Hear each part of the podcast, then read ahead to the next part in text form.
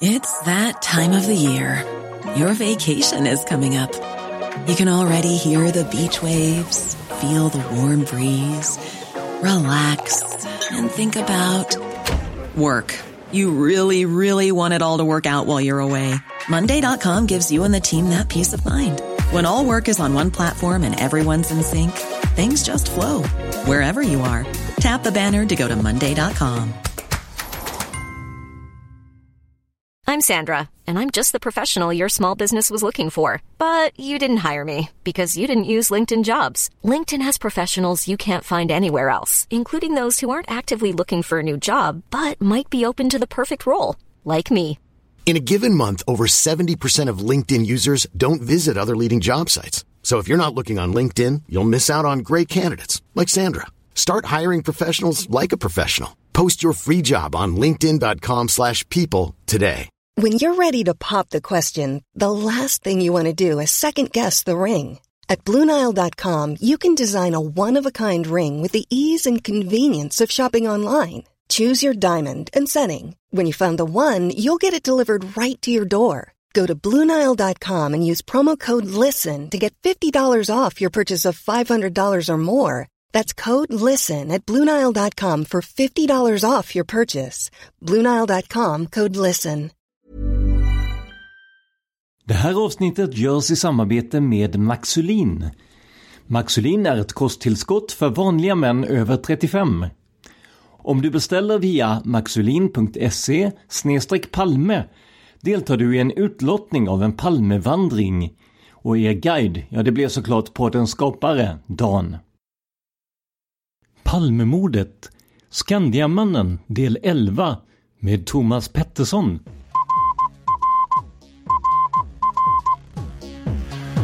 Sveriges statsminister Olof Palme är död. 90 000. Ja, det är mord på Sveavägen. Hörde de säger att det är Palme som är skjuten. Mordvapnet med säkerhet är en Smith Wesson, en revolver kaliber .357. Inte ett svar. Finns inte ett svar. För jag har inget. Och jag har inte varit Varför skulle jag Polisen söker en man i 35 till 40-årsåldern med mörkt hår och lång mörk rock. Då säger vi välkomna tillbaka till eh, Thomas Pettersson, författare till boken Den osannolika mördaren om eh, Skandiamannen. Eh, avsnittet vi gjorde senast från Bokmässan fick ju väldigt positiv respons och vi fick en mycket frågor till dig så vi tänkte att eh, vi ringer väl upp och ser om vi möjligen kan få några av dem besvarade här. Så... Ja visst, det var ju bara roligt faktiskt att det var uppmärksammat och att det blev en del frågor på det också. Det förstår jag, det finns mycket att fråga om. Absolut. Du, jag tänkte på det, när vi spelar in det här så uh, har det bara gått ungefär ja, mindre än en vecka sedan vi fick reda på att uh, Lisbeth Palme har avlidit. Och uh, jag tänkte vi kan ju börja i den änden bara. Vad, vad är din syn på hur det påverkar utredningen? hur tror du att hur tror du att hennes bort, eh, bortgång påverkar ja, utredarnas möjligheter att hitta sanningen och så liknande? Alltså, jag tror inte att det påverkar så väldigt mycket egentligen. Jag tror inte att, efter vad jag har förstått, eh, på utredarna och även på, på Mårten Palme så dels var det här inget man pratade om i familjen längre och jag har inte heller förstått det som att hon hade någon ny information att komma med utan jag tror att det stod också i Expressen för, förra veckan att eh, eh, man hade kallat, den förra spaningsledningen kallade familjen till ett möte och då kom inte hon, sönerna kom. Hon kom inte och det får man väl tolka som att hon hade inget nytt att säga eller nytt att tillföra. Så att just ur den aspekten för utredningen så, så mm, kanske inte det spelar så stor roll. Hon var nog fortfarande övertygad om att det hon hade sett Eh, var Christer Pettersson. Så verkar det ju som. Men däremot kanske det har en annan effekt och det är på att en, en del en, inom socialdemokratin som har varit väldigt lojal med Lisbeth och med exempelvis Stefan Löfven sa för några år sedan att eh, Lisbeth har pekat ut gärningsmannen och då tror jag på henne. Eh, om det har bara rört sig om lojalitet mot eh, Lisbeth Palme så kanske det blir ett ett annat, eh, man är mer öppen för andra lösningar nu. Och därmed kanske också det kan bli ett annat politiskt tryck i det, möjligtvis. i din eh, teori eller din bok här då om Skandiamannen, var hamnar Lisbeth i, i, i den bilden så att säga? Eh, pek, tycker du att hennes utpekande kan tyda på att hon har sett Skandiamannen eller hur, hur känner du? Det finns ju delar i hennes vittnesmål eh, som skulle kunna peka mot att det var Skandiamannen. Jag kan inte gå in på riktigt här nu vad, vad det är men det, det är mer utav detaljer kan man säga. Sen tror väl inte jag att hon såg så mycket av gärningsmannen. Det blev det ju ingen rekonstruktion så man kunde ju aldrig liksom göra en rekonstruktion av det här tidiga förloppet. Eh, men att, eh, att hon var väldigt fullt upptagen med att orientera sig efter att Olof har blivit, blivit skjuten och eh, att hon då i, i samma snabba förlopp också skulle hinna se gärningsmannen. Ja, det, är väl en, det fick man väl aldrig riktigt provat egentligen. Nej, precis. Det kom in mycket, mycket frågor efter vårt avsnitt och Marcus Polltorp börjar med frågan hur kunde Stig Engström vara på mordplatsen när Gösta Söderström anlände om Stig Engström var gärningsmannen? Eh, Gösta Söderström var ju första polis på platsen tillsammans med Ingvar Windén och var ju också befälhavare på brottsplatsen. Jag tror att, att Marcus syftar på en uppgift från Gösta Söderström att det kommer fram en person med rock och glasögon om jag nu minns rätt i något förhör. Jag tror att det är den personen Marcus syftar på. Eh, och det skulle ju kunna varit Stig Engström då. Men eh, i, i vittnesförhören så är det Jan-Åke Svensson som berättar att han går fram till den första polisbilen som kommer till plats. Och Jan-Åke Svensson det var den här killen som ägde en BMW, en skåning. Så att det var han som kommer fram till, till eh, Gösta Söderström, inte Engström. Ja. Så att eh, med, med, den förklaringen så finns det inga motstridiga uppgifter där så att säga? Eh, nej, det gör det inte. Han är tydlig med det i sitt vittnesförhör, Jan-Åke Svensson, att det är han som går fram där. Mm. Carl-Johan Svensson skriver den svagaste länken i argumentationskedjan är väl varför Stig Engström skulle ha gått omkring med skarpladdad revolver på sig efter en kväll på jobbet. Vad finns för förklaringar till detta? Framförallt om scenariot är att Stig Engström såg eh, Lisbeth och Olof Palme först efter utstämplingen och inte när han var ute och citat drack middag. Mm. Eh, ja, så här. Vi, I boken så har vi ju presenterat tre olika scenarier och det här är ju ett av scenarierna då. Att eh, han går runt med en skarpladdad eh, revolver och agerar i stunden så att säga att det är ett dråp och inte ett mord. Han möter dem på gatan, det är slumpartat.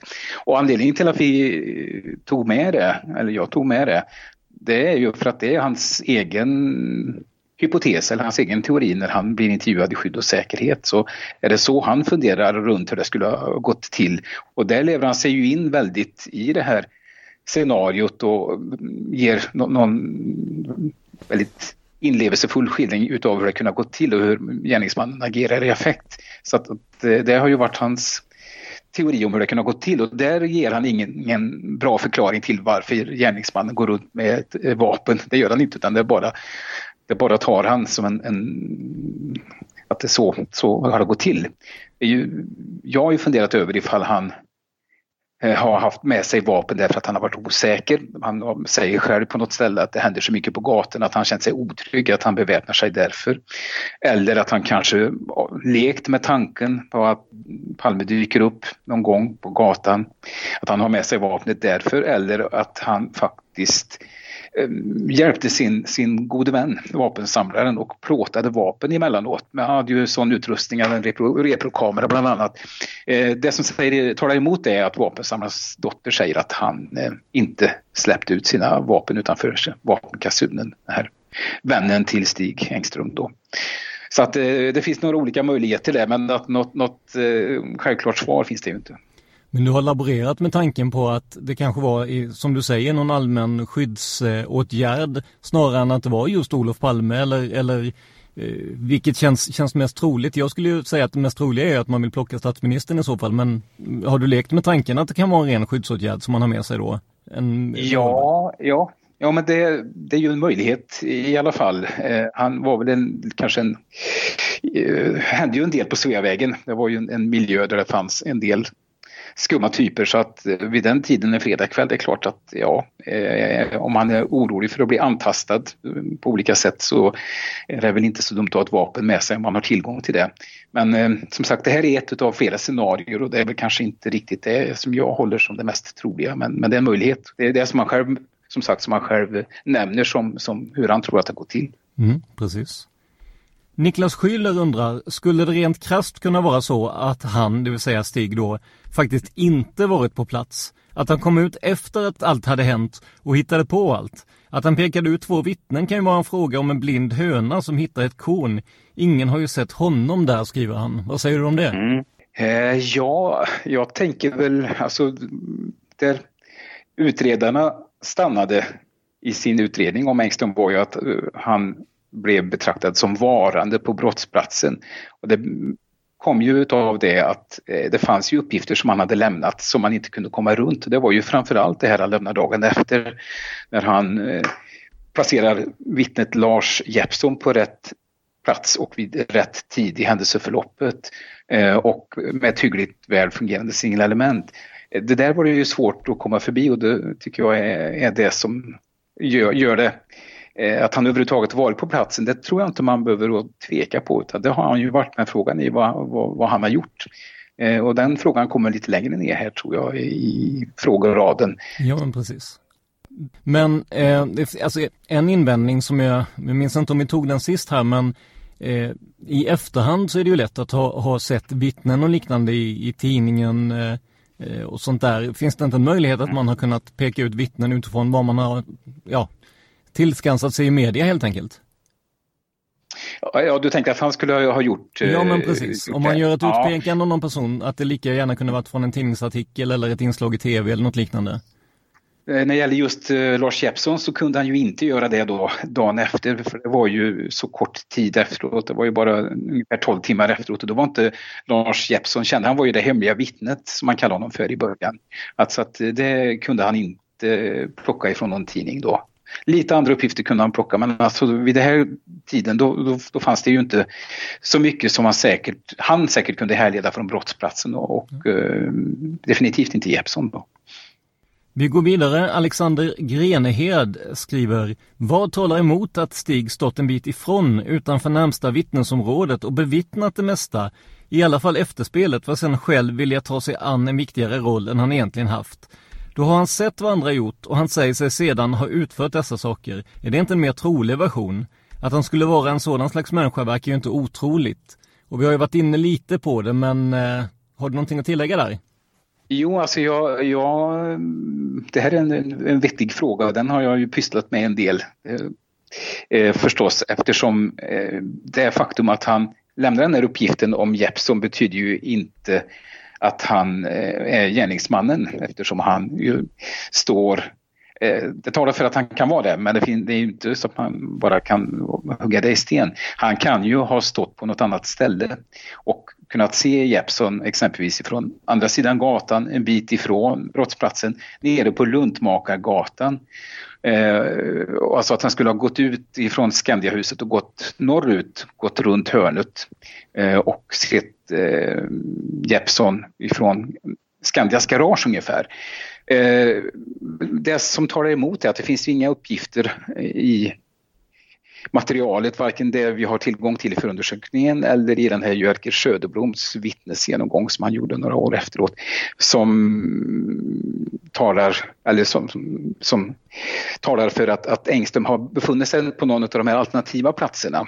Eh, så att, men det, man, det går inte att utesluta. Det är inte en omöjlighet, men det finns inget i materialet som talar för det i alla fall, utan då är det då är det lättare att se eh, Engström som att han har sett Jeppsson antingen när han springer förbi eh, byggbarackerna där uppför trappan eller när han då vänder sig om och tittar ner emot brottsplatsen och Jeppsson ser det här också då att han möter blicken på, på gärningsmannen då, blir rädd och kastar sig liksom i skydd. Då är det ju större chans att det är så det har varit, tänker jag, för den, den uppgiften vi har. De här andra uppgifterna som eh, skulle ha talat för att han befunnit sig annanstans, eh, de finns ju inte. Och när man frågar Jeppsson vad han har sett ifrån sin position så säger han ju att han har ju inte sett någon annan eh, på Luntmakargatan eller på Tunnelgatan där. Så ja, man får väl hålla sig till det man, man vet, tänker jag. Mm. Jo men absolut. Det är ju många som, som funderar just kring det här om, om, om han befann sig på platsen, vad han gjorde på platsen och så vidare. Eh, så även Nils Patrik Johansson. Han skriver, tricket är att ingen visste vart makarna Palme skulle gå. Det mest logiska hade varit taxi eller eh, fortsatt på stritan de var på. Eh, ingen kunde veta att Lisbeth helt plötsligt ville kolla i ett skyltfönster på andra sidan gatan. Så med utstämplingstid 23.19 för Stig dör detta spår. En grandman måste ha funnits. Det här spåret är faktiskt helt osannolikt, i min bok det vill säga. Vad tror du? Mm. Eh, ja, men jag tänker väl att, jag håller väl inte med där att, att eh, spåret dör med den här utstämplingstiden utan dels så har man ju förstås det här slumpmässiga mötet som vi har pratat om förut. Så kan det gå till, då är det väl en ren slump eh, att han kommer ut och han också har ett vapen med sig. Men jag håller med Nils Patrik där om att en grannman... eh, jag tänker nog att det snarare är så att Eh, Engström i det här fallet då har befunnit sig utanför Grand och eh, de vittnesmål utav om, om en grandman som har lämnats bland annat av Mårten Palme och några andra vittnen stämmer ju hyggligt väl in på Engström och inte minst Mårten som ju har sagt att han tycker att eh, Engström stämmer överens med den person han såg utanför Grand. Så att eh, då har man ett annat scenario. Då är det ju inte ett oplanerat dråp utan då har han gått tillbaks ifrån Grand. De går tillbaka till Skandia och sen om man nu har haft vapnet med sig eller om man har hämtat det där och så har han stämplat ut 23.19 och så har, har det hänt, mordet hänt därifrån. Men då är det ju ett planerat mord och också att han har då väntat in och kanske tänkt sig skjuta vid Grand men vågar det inte. Torbjörn Holmberg frågar, var Lisbeth eller Mårten Palme närvarande i tingsrätten när Stig vittnade? Falskt? frågetecken. I så fall, vet man vad de tyckte om honom? För de kände väl inte igen honom som grandmannen? Nej, alltså det var de ju inte, varken Lisbeth eller Mårten och eh, det är ju så här, nu vet jag inte hur det var för Lisbeths del men för Mårtens del så blev han ju aldrig presenterad för Skandiamannen eh, under, eh, ja det hade ju varit aktuellt under Holmers tid givetvis när, när han var var uppe, så det blev han aldrig. Och eh, vi vet ju därför heller inte vad, vad de tyckte om honom, skulle ha tyckt om honom i, i det skedet. Eh, nu säger ju Mårten att han stämmer väl överens med den personen han såg utanför Grand. Så att han eh, där eh, finns det ju en igenkänning och det han eh, säger om honom är ju att han tycker att det är otroligt att han inte blev utredd och eh, det är ju bara synd att han inte, Mårten Palme blev presenterad för, Grand, eller för Skandiamannen när han var aktuell. Mm. Eh, Björn Bradling frågar exakt vad är det FBI-mannen Robert Ressler har sagt, sida 212, som är relevant för förståelsen av Skandiamannen som gärningsman. Och eh, Robert Ressler är alltså en eh, mm, gärningsmannaprofilerare, stämmer det, i, på FBI? Ja, precis. Och den här sidan, hänvisningen är ju till boken Den osannolika mördaren. Då. Och eh, grejen var ju att Robert Ressler blev tillfrågad utav granskningskommissionen och ge en second opinion på den svenska gärningsmannaprofilen. Så det finns ett ganska långt avsnitt med honom i granskningskommissionens betänkande. Eh, och det som han säger då eh, är ju att han betraktar det här som ett högriskbrott och amatörmässigt utfört eftersom ja, valet utav vapenplats och utförande så tyder på att det är en amatör. Och då säger han också att det är inget som Alltså att man skulle betala för en, en, en hyra en amatör till att göra något, något sånt, alltså att det skulle vara en, en professionell konspiration bakom där man har en amatör som avslutare. Det tror han inte på. Däremot eh, då skulle det i så fall vara en, en, en, konspiration som var disorganized in itself, alltså att det skulle vara amatörer som, som också hyr en sån gärningsman. Så att eh, det är det som, som är resonemanget bakom att med, med en sådan utförare så skulle det också vara en, en amatörmässig organisation. Vi var inne på det här med vapnet innan. Eh, Fredrik Nyström undrar, skulle Engström haft pistolen på sig under efterspelet vid mordplatsen? Mm, jag tänker ju inte att han har varit där förstås, eh, utan att han försvinner ifrån brottsplatsen och återvänder till, till Skandia. Eh, han, i, i, som jag ser det så har han inte kommit tillbaks till brottsplatsen, eller mordplatsen. Mattias Lagerstedt undrar vilken väg tog Skandiamannen efter DBs gata, alltså David Bagares gata och vidare tillbaka till mordplatsen alternativt Skandiaentrén? Mm. Eh, ja, det, det, vet vi ju inte förstås. Det man tänker sig är ju att eh, hans väg tillbaks, eh, det här är ju inte planerat dåd i den meningen att han har tänkt ut precis hur han ska röra sig utan hans väg tillbaka styrs förmodligen utav hur polispatrullerna rör sig i området och hur eftersöket ser ut. Eh, jag har haft en fundering om att han skulle ha varit upp, så långt upp som till Rådmansgatan innan han viker tillbaks eh, ner på Sveavägen. Det är ganska långt upp på Sveavägen. Och i samband med det vet jag att utredarna hade funderat över samma sak och de hade kommit fram till en, en annan väg tillbaks som var betydligt, eh, inte alls en sån vid sväng. Så att, eh, att jag vet att de har funderat över det, man kan väl utgå från att de kanske har bättre förutsättningar än, än vad jag och vad vi har och eh, komma fram till hur han kan ha rört sig där. Ja, ja precis. Mm. Sen undrar Marcus Nyman vad utöver att Stig kände en vapensamlare i Täby samt personligen hade viss erfarenhet av vapen skiljer egentligen Filters avslöjande från slutsatserna i Lars Larssons bok. Lars Larsson skrev ju boken Nationens fiende som också var på temat eh, Skandiamannen. Mm. Eh, ja, alltså slutsatsen är ju samma, att det är Engström som är gärningsmannen. Men sen har vi väl, det så har ju inte Lars Larsson funderat så mycket över hur det, det kan ha gått till innan, om han var ensamagerande, om det har funnits någon konspiration eller något sånt här, utan han har inte målat upp några scenarion direkt. Det har ju vi gjort då, eller jag säger vi eftersom jag säger synonyma filter här. Eh, och, eh, och, eh, men det som skiljer framförallt är väl att jag har gått djupare på motivbilden, den personliga och politiska motivbilden Eh, som ju, om han är ensam agerande som jag vill lutar åt att han är, så spelar det ju en, en stor roll för, för, hur man ska bedöma själva eh, möjligheten att han är gärningsman förstås. Om han stämmer hyggligt väl in på vad vi vet om, om ensamagerande gärningsmän. Så, och det tycker jag ju att han gör då. Så att det är väl ett bidrag. Men just i, i brottsplatsen och i analysen av brottsplatsen så är vi ju lik, väldigt eh, mycket lika. Det blir det ju.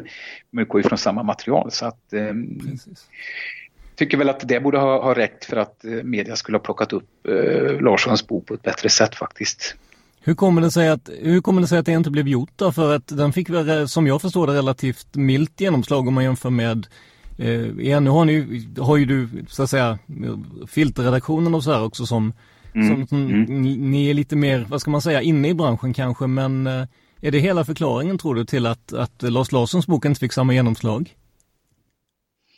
Eh, han gav ju ut den på eget förlag och det är väl alltid tuffare mm. när man kommer på eget förlag och får ett genomslag för det är man mer beroende av att andra plockar upp det. Nu fanns ju Filter som ett etablerat, en etablerad tidskrift och ett etablerat förlag. Så då, men sen också så behövde nog faktiskt historien behövde den här vapensamlaren och tillgången till vapen och den här vapenkunskapen som ju Stig drog på sig i unga år eh, gjorde också att eh, såklart, det var ju och, och inte minst ska jag säga också att, att det ju i polisens egen utredning inte fanns något material som kunde förklara vad Engström hade gjort under de här 20 minuterna. Utan det, det var väl också viktigt. Och när vi är inne på Lars Larsson där, eh, Tommy Axelsson frågar Har Thomas, Lars Larsson och Olle Minell suttit tillsammans och diskuterat Stig Engström? Vore ju intressant att samla dem med mest kunskap i samma rum. Palmepodden kanske? Eh, jag har bara pratat med dem en och en och om de har haft någon kontakt eh, eller Lars Larsson och Olle Minell, det vet jag inte. Men det var ju en intressant tanke, det hade varit kul faktiskt, det skulle jag gärna göra. Ja, vi, jag, tar vidare det till Dan så får vi se om vi kan mm, ordna ja. något sånt. Det hade varit jättespännande Precis. givetvis. Le, Lev Vygotsky har tre stycken frågor. Och den första är, hur ser Thomas Pettersson på möjligheten att det är möjligt att... Selling a little or a lot? Shopify helps you do your thing however you cha-ching. Shopify is the global commerce platform that helps you sell at every stage of your business. From the launch your online shop stage to the first real life store stage, all the way to the did we just hit a million orders stage. Shopify is there to help you grow. Shopify helps you turn browsers into buyers with the internet's best converting checkout. 36% better on average compared to other leading commerce platforms because businesses that grow grow with Shopify. Get a $1 per month trial period at shopify.com/work. shopify.com/work. Ryan Reynolds here from Mint Mobile. With the price of just about everything going up during inflation, we thought we'd bring our prices down. So to help us, we brought in a reverse auctioneer, which is apparently a thing. Mint Mobile unlimited premium wireless. Ready to get 30, 30, bit to get 30, bit to get 20, 20, 20, bit to get 20, 20, bit to get 15, 15, 15, 15 just 15 bucks a month. So, Give it a try at mintmobile.com/switch. slash $45 up front for 3 months plus taxes and fees. Promo rate for new customers for limited time. Unlimited more than 40 gigabytes per month slows. Full terms at mintmobile.com. Hiring for your small business? If you're not looking for professionals on LinkedIn, you're looking in the wrong place. That's like looking for your car keys in a fish tank. LinkedIn helps you hire professionals you can't find anywhere else, even those who aren't actively searching for a new job but might be open to the perfect role. In a given month, over 70% of LinkedIn users don't even visit other leading job sites. So start looking in the right place. With LinkedIn, you can hire professionals like a professional. Post your free job on linkedin.com slash people today. Att Lars J på avstånd, nej förlåt, det är möjligt att se Lars J på avstånd och att en anledning till att andra vittnen inte hade sett honom är att de var upptagna med annat, som att försöka återuppleva Olof Palme. Eh, ja visst, men så är det ju. Att, eh, det är väl anledningen till att, att de inte... Han såg ju eh, därifrån sin position på, på Tunnelgatan eh, Eh, så såg han ju in mot brottsplatsen ett antal personer som var sysselsatta med upplivningsförsök men de såg ju inte honom för att det var ju, ja, de var ju fullt upptagna. Eh, sen kommer det ju en uppgift från Lisbeth Palme längre fram i april att hon har sett eh, eh, Lars Jeppsson men då är ju han då har han ju varit i, i media och är då en känd figur. Men det är ju just det här som är också en, en intressant, ett intressant faktum då när det gäller Engström, att han har sett honom och han har ju, som jag ser det i alla fall, inte varit framme vid brottsplatsen i det här tidiga skedet utan han är någon annanstans och då är det frågan om var han befinner sig. Jag vill ju hävda att han be, be, befinner sig någonstans efter gärningsmannens där han har rört sig då, att han har sett honom på, på, på vägen förbi Jeppsson, förbi uppför trapporna och kanske uppe på krönet, att det är därifrån han har sett honom. Mm. Hur ser du på möjligheten att Stigs överdrivna uppgifter om den egna insatsen har psykologiska förklaringar som inte behöver ha något eh, att göra med att han skulle ha skjutit Palme? Det är också Lev Vygotsky som frågar. Ja, ja, alltså det där var ju den eh, ståndpunkten som polis, en del av poliserna tog, att han var en mytoman. Helt enkelt, att han hittar på alltihopa. Men alltså, det finns ju ingenting i hans personliga historik som... Eh, ja, det, det, finns inga mytomana drag i honom. Han är ju som en trovärdig person. Han har ju haft sådana uppdrag, både förtroendeuppdrag och uppdrag inom Skandia och inom föreningslivet och så. Så att han var ju en, en pålitlig, stabil person. Så att här, det här bryter ett mönster hos eh, Stig Engström att han ljuger på det här sättet. Det har han inte gjort innan. Det jag har kunnat se eh, som är intressant är att när, när han ljuger och eh, lämnar felaktiga uppgifter om saker och ting, då är det när han vill undgå ett ansvar. Eh, där finns det, ska jag säga, ett mönster i hans, i hans liv. Att han, han vill inte ta ansvar för saker och ting. Han kan, han, då kan han ljuga. Eh, om både smått och stort för att han inte vill komma i dålig dagar eller ta ansvar för något som han inte vill ta ansvar för. Sista delen av frågan eh, från Lev är hur du ser på att mördaren är någon för oss än så länge helt okänd person. Mm. Eh, ja, är det inte Engström då så är det ju någon okänd person förstås. Ja, precis. måste det ju vara. Och eh, då hamnar man väl i det här att då är det någon person som är väldigt signalementsmässigt lik Engström. Det är ju något som även polisen har kommit fram till Håkan Ström i sin utredning utav, utav Engström i, i januari, februari 87 kom ju fram till att ja, men det måste ha funnits någon person som har samma signalement som Engström på brottsplats. Eh, men det är alltså inte Engström själv. Det finns alltså två stycken som, som ser väldigt lika ut. Och den personen har ju, inte, har ju inte dykt upp då så att eh, den är ju okänd för oss den här Engströms dubbelgångare. Den, den har vi ju inte sett än. Nej, precis. Mikael Bergström, hur kommer det sig att inget av mordplatsvittnena tycktes känna igen Stig som den flyende gärningsmannen när han exponerades i media mars-april 1986? Och så vitt känt reagerade väl inte heller något av grannvittnena. Så kallade utpekanden 32 år senare är ju av begränsat värde, skriver Mikael. Mm. Eh, ja, det här med att mordplatsvittnena eh, inte kände igen eh, Engström när han både i tv och, och i media. Ja, det funderar jag också mycket över. Det, det tyckte jag i början. Alltså, det, borde, det borde de ha gjort. Det, man borde ha liksom upptäckt det.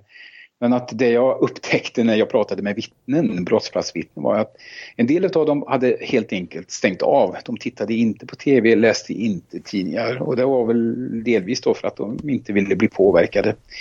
Eh, sen fanns det ju eh, faktiskt vi har ju ingen fullständig bild av det här för att det är ju inte alla som har blivit tillfrågade om Engström. Men, men Leif Ljungqvist blev ju tillfrågad eh, utav Håkan Ström just i ett förhör och han frågar ju, han frågar så här, la du märke till någon man iklädd i mörkblå rock, keps och glasögon som tydligen var omedelbart i närheten av den här platsen när skotten föll och som sen stannade kvar tills polis kom, men kom till platsen, en man i 40-50-årsåldern.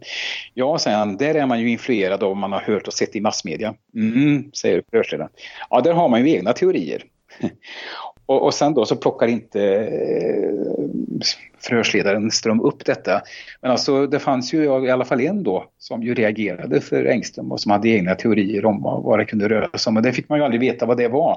Men att, eh, ja, och någon fullständig bild över hur brottsplatsvittnena har reagerat på Engström och ifall de har sett honom, det har vi ju inte. Sen är det ju så att han har ju en bra story. Hans story är ju att han är förväxlad med gärningsmannen och eftersom han visas upp i SVT och polisen inte gör någonting så är det väl troligt att, att man kan ha reagerat på det sättet. Ja, ja, han är ju lik gärningsmannen men att han säger ju att han inte är det. Han säger att han är förväxlad, då är det väl så. Ja, så att eh, det var nog inte så lätt att avgöra det och eh, ja, ja och, när det gäller just grannvittnena så där har ju inte Engström blivit aktualiserad förrän nu egentligen då. Och där återstår det väl en del att göra kan jag tycka. Mårten har ju då modifierat sin uppfattning ifrån Christer, äh, Mårten Palm alltså, ifrån Christer Pettersson till att eh, det kan vara Skandiamannen som han har sett där. Precis, precis. Från Engström till Bergström igen då, Mikael Bergström. Eh, som eh, ger väl visst uttryck för skepsis här. Vi vet bara till delar hur vittnena på mordplatsen uppfattade varandras uppträdande. Någon heltäckande inbördes identifiering gjordes inte heller. Det är alltså mycket som vi inte vet. Till exempel hur bra eller dålig Stig Engström var på att peka ut andra vittnen jämfört med övriga. Bör man inte med hänsyn till alla dessa osäkerhetsfaktorer vara väldigt försiktig med att dra långtgående slutsatser? Mm.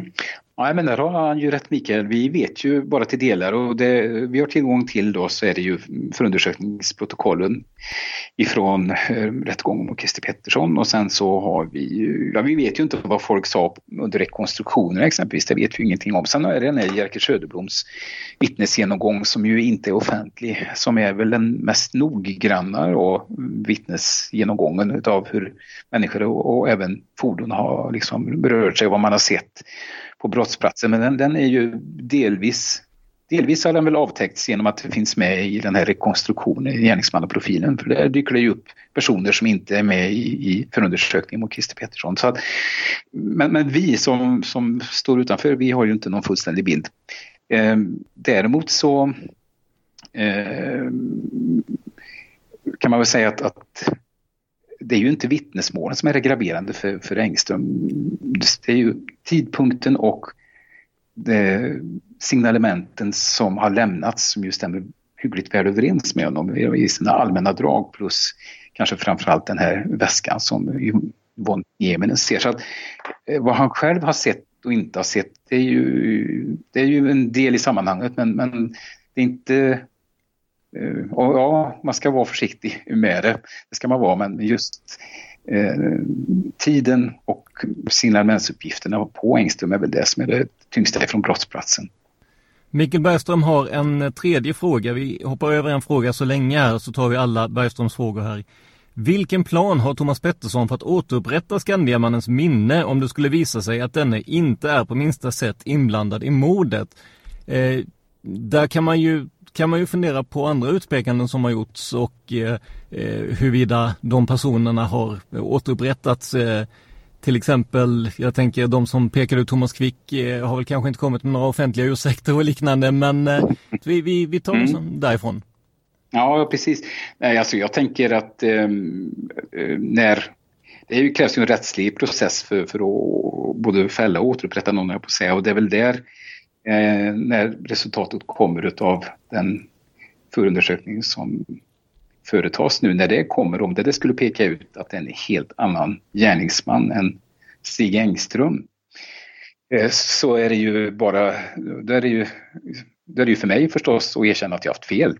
Det, så, så, så, mycket längre än så har inte jag tänkt för det är som du säger att, att här finns det ju ingen Eh, Eh, ingen kutym eller praxis för hur, hur, man återupprättar en persons minne. Det enda så, som kan göra det är ju liksom en rättslig process. Så att, eh, skulle det vara så att förundersökningen kommer fram till att det inte är Stig Engström så är ju det det som återupprättar honom. Det är ju inte så mycket vad jag säger och gör utan det är den rättsliga processen som, som ser till att rentvå honom eller att fälla honom om det skulle vara så. Då. Precis. Ulf Johansson skriver, det finns ju ett mycket stort avstånd mellan att man tycker att man kan se att Engström är inblandad på något sätt, vilket är vad jag tror, skriver Ulf, till att påstå att han är gärningsman.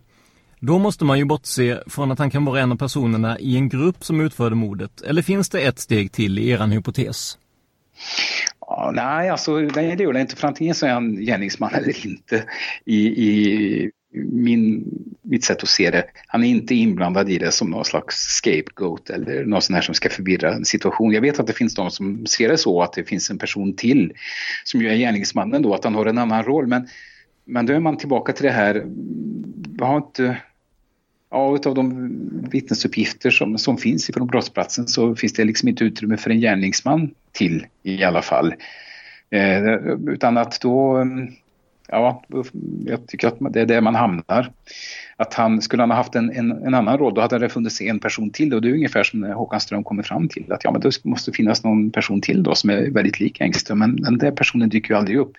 Så att eh, antingen i, i, min värld så antingen så är han gärningsman eller också är, är han ingenting. Det är inte så att det är flera som agerar samtidigt utan det är en ensam gärningsman i, på den här delen av brottsplatsen. Sen om det ska vara en konspiration att det finns flera personer som på något sätt är inblandade men just i, på brottsplatsen så finns det ju inte några vittnesmål om att det är mer än en person.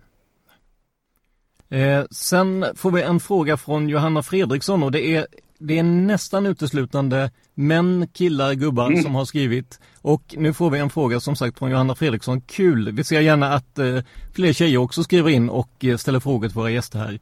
Eh, hon skriver, om det är någon som den verkliga gärningsmannen aldrig skulle ha fört på tal för att inte dra på sig misstankar så är det väl vittnet Lars J.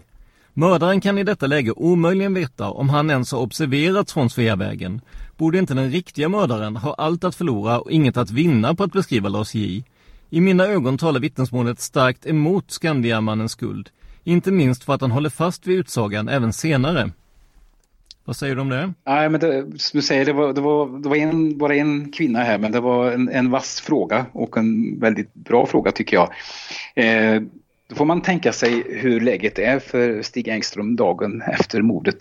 När han hör på presskonferensen vid tolvtiden då, ett signalement som ju är väldigt eller det är ju inte ett väldigt noggrant signalement men det stämmer ju in så pass bra på honom så att han anser sig vara tvungen att agera på något sätt. Och då ringer han ju in till eh, tipsmottagningen eh, 20 över 12 och då måste han ju ha en orsak till varför han ringer. Han kan inte bara ringa in och säga att han eh, är förväxlad med gärningsmannen. Det blir ju en väldigt konstig situation utan han måste dra något, han måste dra någon information. Det enda kortet han har då som jag ser det, det är att han har sett eh, Lars Jeppsson. Och det är också om man tittar då på, på hur den, hans vittnesmål har förtecknats så är det ju iakttagelse av person. Det är alltså så det står. Det står inte att han har förväxlats med mördaren. Det är inte det som är hans huvud Alltså det är inte det han använder som, som eh, argument för, för, att han ska ringa in utan det är att han har sett den här personen då som man beskriver på rätt ställe och på rätt plats och som ju är Jeppsson. Så det, han måste dra det kortet och han vet ju då inte vad andra har sett. Eh, så det är ju som att säga att det, det där är ju ju egentligen inte så smart för det blir ju väldigt utpekande för honom och eh, exakt så är det, det blir väldigt utpekande. Men poliserna drar ju inte rätt slutsats av det tycker jag. Utan man stannar ju vid det där att ja fasiken, man har sett Jeppsson här. Det betyder att han har varit där men vad, vad har han gjort då? Och sen, så ja, det, men, men hon har ju rätt i det. Hade han haft full information om vad folk hade sett på brottsplatsen kanske han hade försökt sig på något annat. Vi avslutar med ett antal frågor från Gordon Granberg. Mm. Han skriver så här angående vapensamlarens vapen. Varför provsköts inte de i samband med den stora insamlingen där Christer A struntade i att lämna in sitt vapen? Eh, Christer A var ju eh, ja, misstänkt för eh, mordet om än inte på så att säga eh, juridiska grunder så mycket kanske. Han tog livet av sig senare och kunde inte förhöras om mordet. Men Eh, vad säger du, varför provsköt man inte vapensamlarens vapen, frågar Gordon här. Ja, det är ju en väldigt berättigad fråga. Eh, det var så här eh, att man man provsköt ju eh, en del vapensamlares vapen och då utgick man ifrån den här föreningen som finns idag och som väl fanns då också. Plus om man kände till andra, man kände inte till den här vapensamlaren helt enkelt. Eh, han, han fanns mm. inte med i deras register eller på något sätt i deras kunskapsbank. Han var inte med i föreningen så att han, han flög under radarn där ända fram till, ja, till nu då. När vi presenterade det här namnet så var han ju inte känd för någon av de poliser som har jobbat med det. Så att eh, han, han flög under. Han var ju inte någon jätte, alltså i de här sammanhangen så var han ingen stor samlare men han var i alla fall, det var ju en betydande samling han hade, men han var inte så, och så låg han ganska lågt med sitt innehav så att han, han flög under radarn helt enkelt. Eh, Gordon frågar också, är du säker på att spaningsledarnas nyvunna optimism handlar om Stig Engström-spåret? Eller kan det vara ett parallellt spår eh, där de också ligger långt fram? Eh, Eller som ja. de också ligger långt framme med om man ska ja, ordagrant. Ja, precis. Eftersom Engström har varit, hur det är nu kan jag ju inte svara på, men att han har varit huvudspåret i alla fall. Och den här optimismen, man får liksom skilja på det, vad man vet att, att eh, spanarna, utredarna på fältet sysslar med och, och, hans optimism. Men samtidigt måste man ju koppla ihop det, men den optimismen gav han ju uttryck för runt årsdagen här i, i februari och det hoppar väl alla till eh, över att han uttryckte sig på det sättet och, har varit ganska tydlig med att det här kommer att lösas. Alltså jag kan ju bara göra så från min horisont att jag kopplar ihop det med, med Skandiamannen. Men, men att eh, jag, jag, skulle bli överraskad om det var något annat. Men eh, osvuret är bäst. Så är det. Mm. Eh, sen skriver Gordon också Spekulationsfråga. Fick Stig låna vapnet av vapensamlaren eller stal han det? Ja, det är en bra fråga. Alltså, enligt dottern till vapensamlaren så skulle han ju inte ha, ha låtit eh, Stig hantera något. Då skulle han väl i så fall ha, ha stulit det. Eller om han då under någon annan förespegling har tillskansat sig ett vapen utav vapensamlaren. Eh, så att, eh, men just det här att han skulle ha lånat eller att han skulle ha försett honom med ett vapen, det är ju dottern väldigt noga med och poängterat. Eh, det tror hon inte. Däremot så är det väl också så att, att det fanns en, en krets dit inte barnen släpptes in så att eh, det är en svår fråga att svara på. Ja. Vet du om eh, Palmeutredningen lyckats lokalisera samtliga intressanta vapen som tillhörde vapensamlaren och också Gordon Granberg som undrar? Mm, nej, inte alls. Jag ska bara egentligen flika in där också att det finns ju andra möjligheter ja. för Engström och eh, att han har fått tag på ett vapen. Så att eh, allt fokus ligger inte på vapensamlaren. Det är ju så att, att de är nära vänner, familjerna och de här två är nära vänner. De har samma politiska åskådning och det, det finns såklart en, en möjlighet att att det har gått till på det sättet. Det är väl det man tänker på först och främst. Men det finns ju också andra möjligheter så att man ska, man ska inte glömma det i sammanhanget att allt fokus ska inte hamna på vapensamlaren. Eh, hur var det med det här eh, om de lyckas lokalisera samtliga intressanta vapen som tillhörde vapensamlaren? Mm. Nu var det fokus på vapensamlaren igen här men mm. eh, om, om vi Samtliga intressanta vapen är intressanta för Palmeutredningen får man ju, får man ju förutsätta. Ja. Vet du någonting om, om andra vapen som kan ha varit intressanta där? Nej, det gör jag inte. Eh, jag vet bara eh, det som alla andra vet, att två vapen har provskjutits och att det sannolikt kommer ifrån vapensamlarens samlingar, men att mer vet jag inte. Vi kör sista frågan här. Mm. Gordon tycker att vår första intervju var intressant. Tack så mycket. Och så säger han att han håller helt med Thomas om favoritlagsliknelsen. Eh, jag vill minnas att det var när vi pratade om att eh, det blir som att man håller på ett favoritlag när man håller ja. på de olika spåren i utredningen. Ja, ja. Just det. sen säger Gordon här, dock gör han sig själv skyldig till en cherry picking när han först dissar Hans Holmér helt tills han hittar en sak som Hans Holmér tycker som passar in på författarens tes. Då används Hans Holmér som även Hans Holmér tyckte att jag kan inte, när vi sitter här, dra mig till minnes eh, vad det är han syftar på, men eh, ja, vad säger du? Jag undrar om det kan ha varit när vi, eh, om vi pratade om att både Hans Holmér och KG Svensson var överens om att förmodligen Lisbeth Palme inte såg gärningsmannen. gärningsmannen Till och med Hans Holmér, ja. Ja, och, och då var det nog mer för att framhålla att det, för de var ju inte överens om någonting egentligen, men just det var de överens om. Det var väl egentligen kanske inte för att, att, att framhäva just eh, Hans Holmér. Men eh, det är klart att eh, man ska passa sig för att plocka körsbär i någon annans trädgård, jag på att säga. Sen var det väl så här, Hans Holmér var ju inte helt genomröten som vi säger här i Göteborg. Eh, det, det, det, är lätt att det blir liksom svart och vitt när man pratar om honom och särskilt om man ska, det ska vara kort och så. Han hade ju goda sidor. Jag tänker att eh, Ulf Karlsson som ju tog över spaningsledningen efter Hans Holmér tyckte att, att han kom till en utredning som inte alls var vanskött utan det var ganska bra ordning och reda och sådär så att det var, det var inte så att han lämnade ett kaos efter sig och att allting bara var, var dåligt med honom som, som eh, spaningsledare förstås men att eh, men Gordon har kanske, jag kanske var lite nära att plocka ett körsbär där, så var det nog. det kan vara så.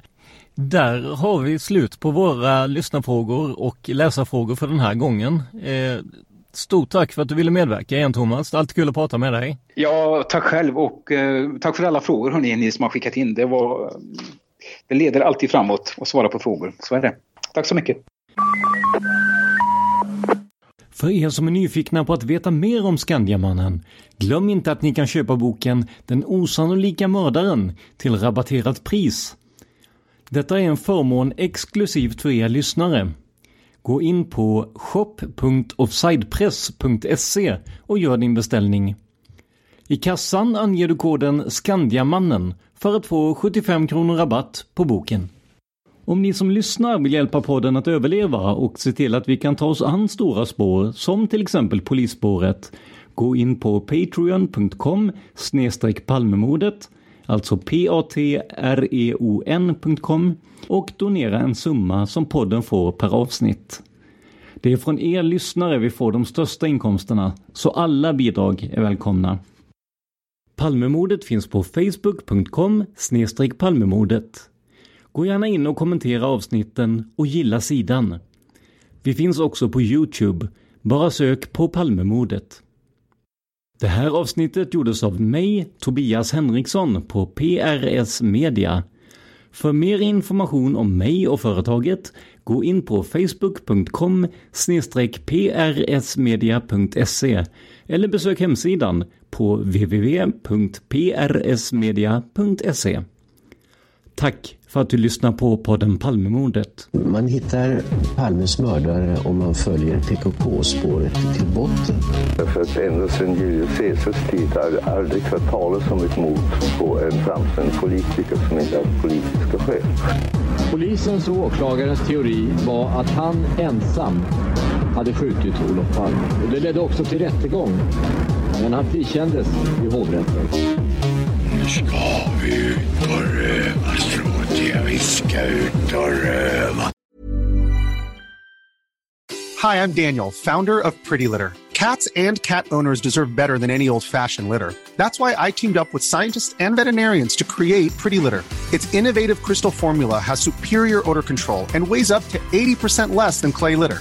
Pretty Litter even monitors health by changing colors to help detect early signs of potential illness. It's the world's smartest kitty litter. Go to prettylitter.com and use code ACAST for 20% off your first order and a free cat toy. Terms and conditions apply. See site for details. Even when we're on a budget, we still deserve nice things. Quince is a place to scoop up stunning high end goods for 50 to 80% less than similar brands. They have buttery soft cashmere sweaters starting at $50 luxurious Italian leather bags, and so much more. Plus, Quince only works with factories that use safe, ethical, and responsible manufacturing. Get the high-end goods you'll love without the high price tag with Quince. Go to quince.com/style for free shipping and 365-day returns. Cool fact a crocodile can't stick out its tongue. Also, you can get health insurance for a month or just under a year in some states. United Healthcare short term insurance plans, underwritten by Golden Rule Insurance Company, offer flexible, budget friendly coverage for you. Learn more at uh1.com.